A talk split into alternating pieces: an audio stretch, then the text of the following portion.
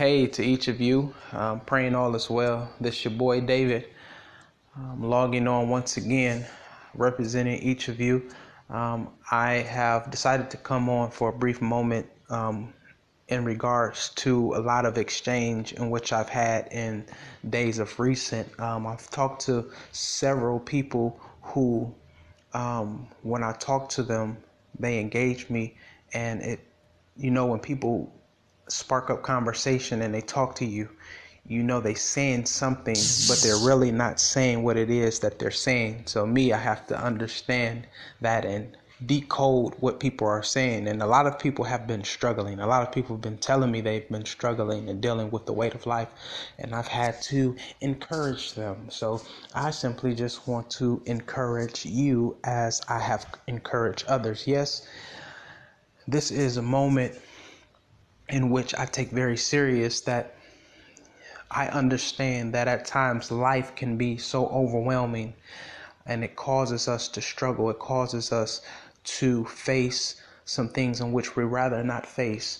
And those things cause those who cannot handle to step into a state of depravity and depression. And they you understand that the enemy is playing tricks on your mind but i want to encourage you and uh, confirm and affirm you that you are are overcomer. You are stronger than your lowest moment. You are greater than where you are. God has his hand on you and you are not to give in to what life throws at you. You're looking at me or you're listening to me and you're saying, How am I going to overcome when life is gruesome, when life is grotesque, when life it seems grim and grimy and it's cloudy and murky and I'm trying to figure out how I'm going to make it. Things are getting to me, loans and debt and all of the things that life incurs is piling up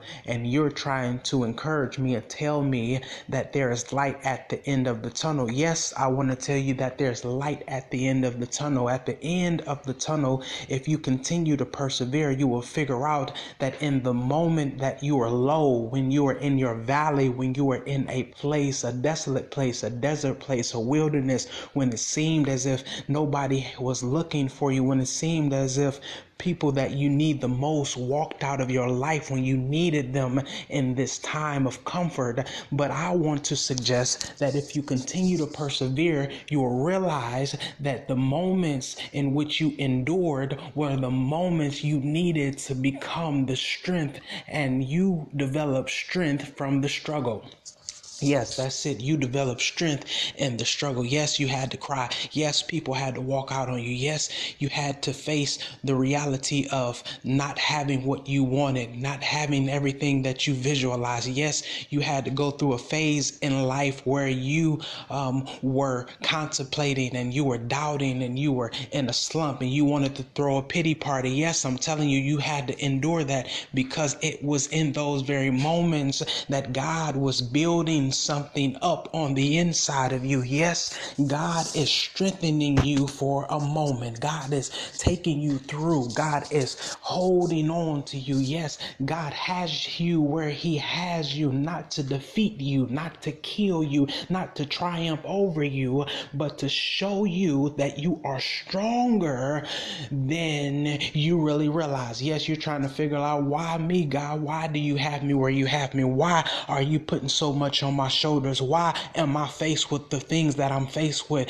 But I want to tell you that why not you? God puts his uh, strongest warriors, his strongest soldiers in the most uh, greatest battles and the, the, the, the, the, the lengthiest wars to show you that you had some ammunition in which you did not know you had. And, and I've said this a couple of times on other podcasts, but your story is the story story somebody else needs. Somebody is waiting on your testimony. Somebody is waiting for you to come out of that desolate place. Somebody is waiting for you to come out the desert. Why? Because there's somebody right now who is dying until they receive your story. What do you what do you mean by that?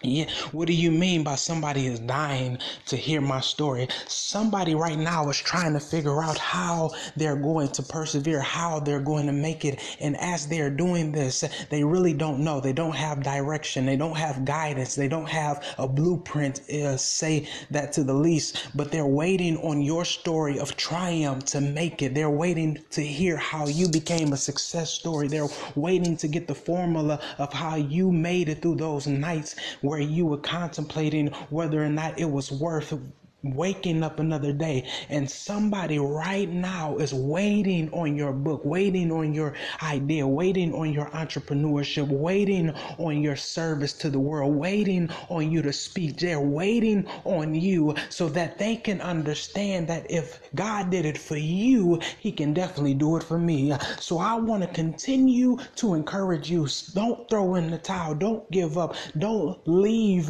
where you are. I want to tell you that you can not die at the gate. You have to keep on pushing, persevere, endure, uplift yourself, and lift your hands and give God some praise right now. Because when you praise Him for where you are right now, it makes the victory much sweeter.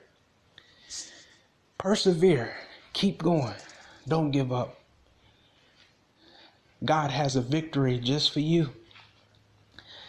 There's a blessing on the way with your name on it. You can't give up. All right, y'all going love and strength. Peace.